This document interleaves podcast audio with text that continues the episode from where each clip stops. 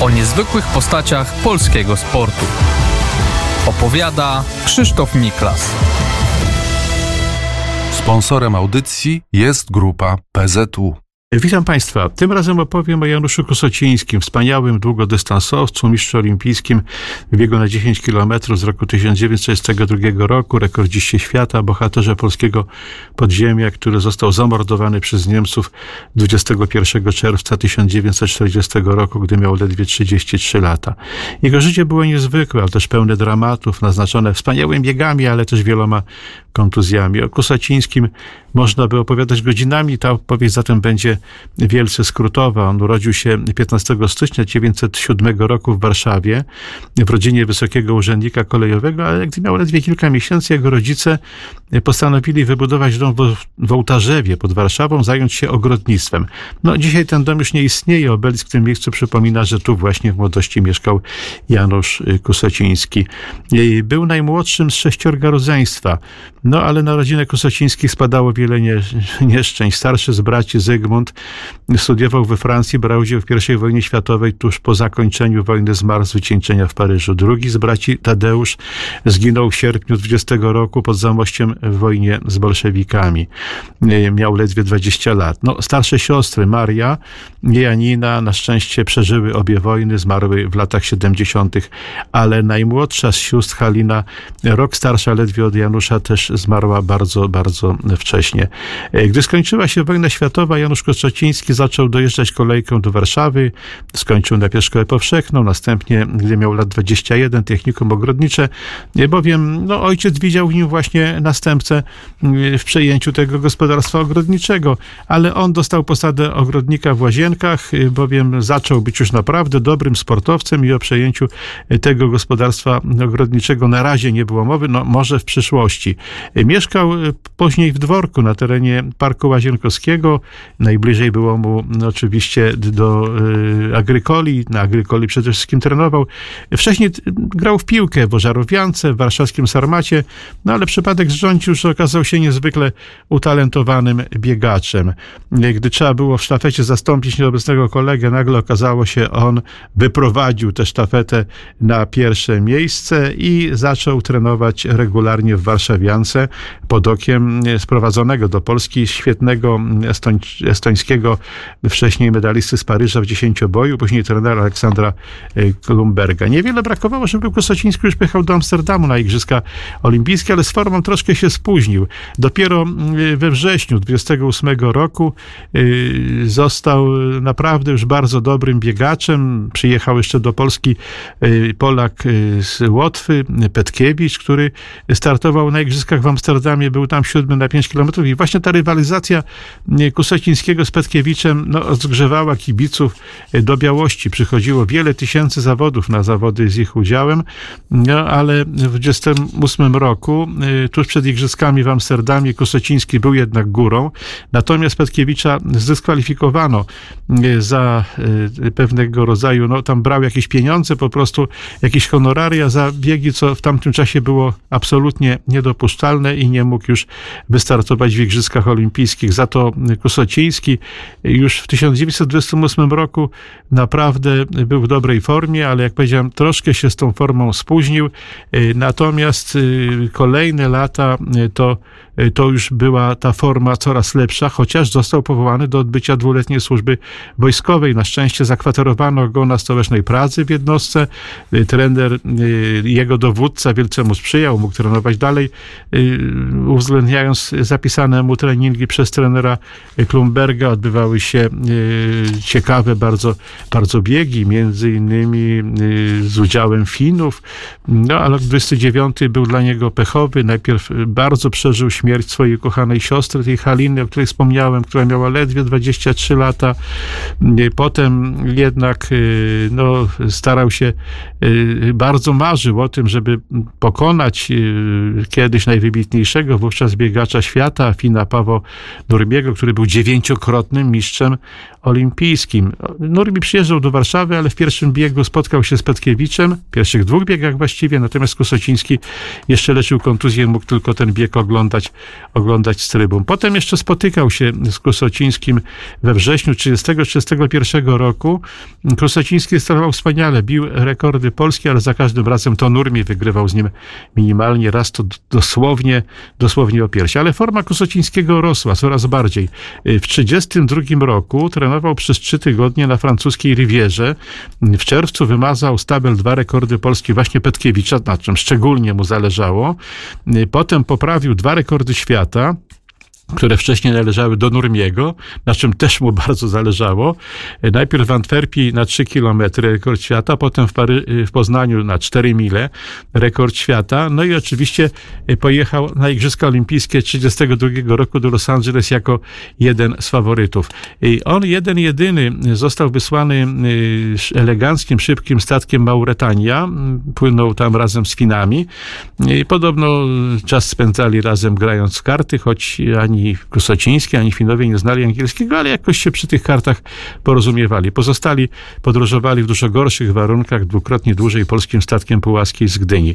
E, no, potem e, trwająca trzy dni, dwie noce, dwa, trzy noce właściwie i dwa dni podróż pociągiem, ale w ekskluzywnych warunkach do Los Angeles przyjechał w świetnym, w świetnym nastroju.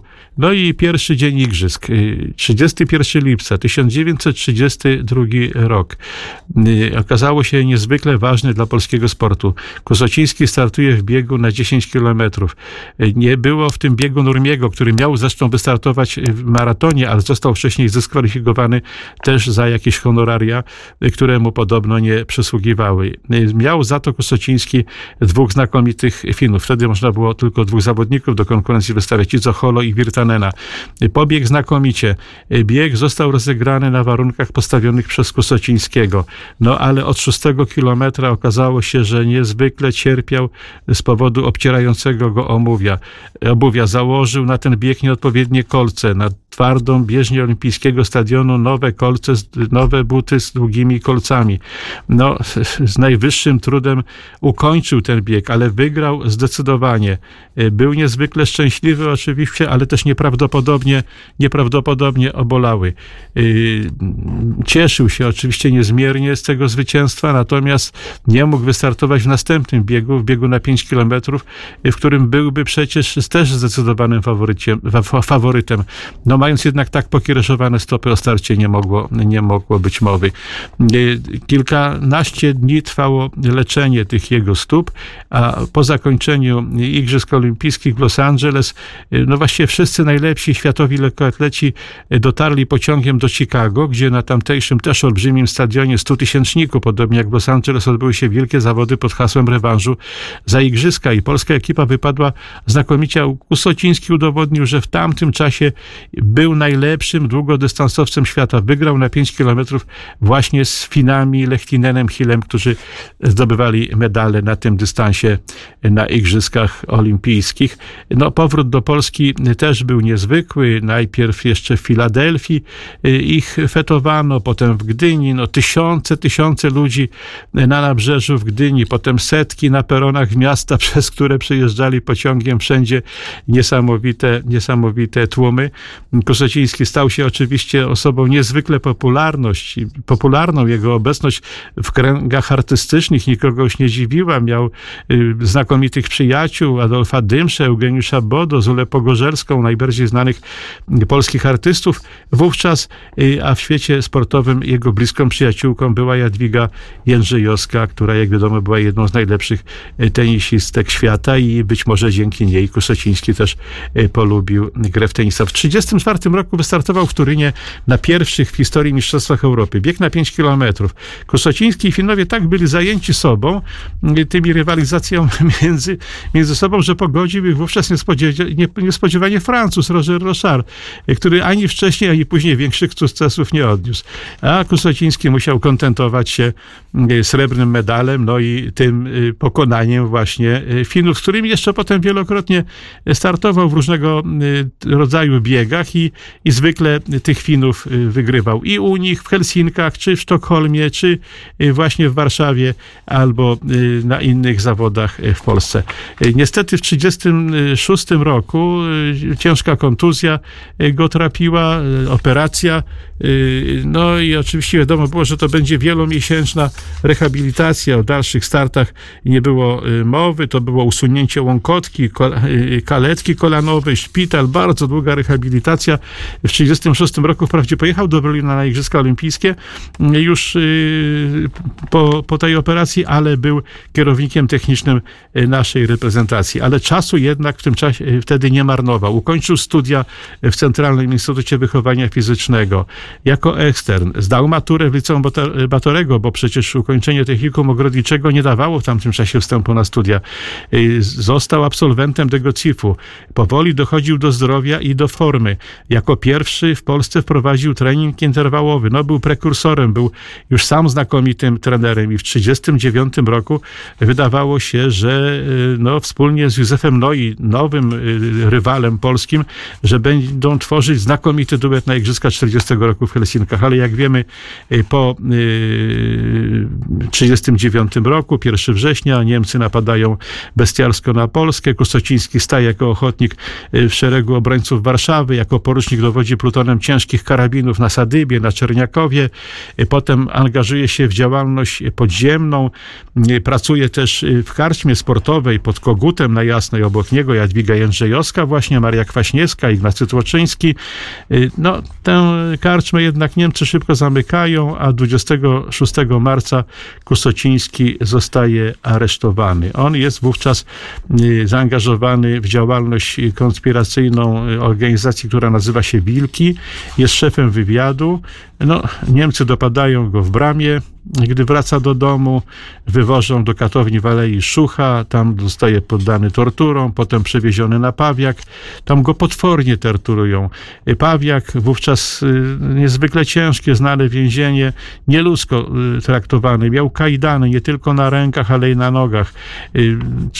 Trzymano go w celi w sekcji kobiecej, pewnie po to, dlatego, żeby nie kontaktował się ewentualnie z innymi więźniami, a 21 czerwca w kilku transportach 358 więźniów Pawiaka przewieziono do podwarszawskiego lasu obok wsi Palmiry i tam wszyscy zostają rozstrzelani.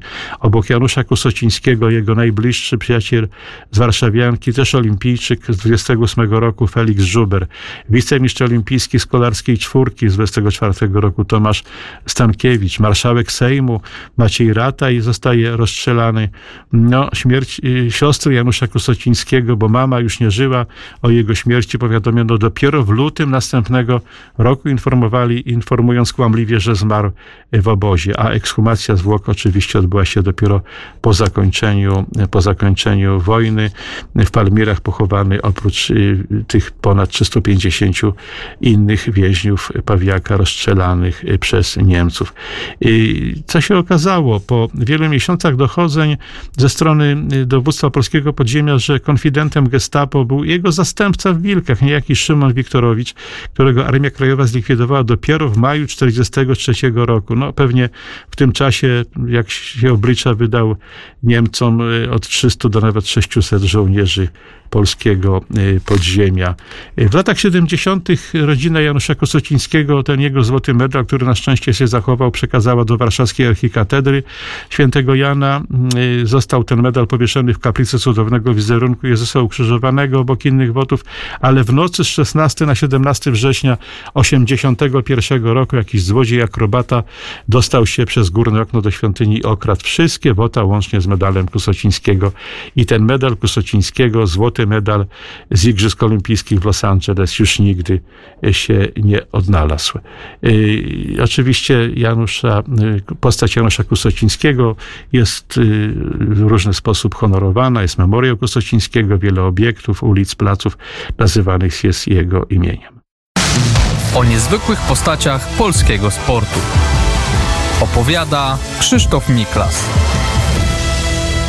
Sponsorem audycji jest grupa PZU.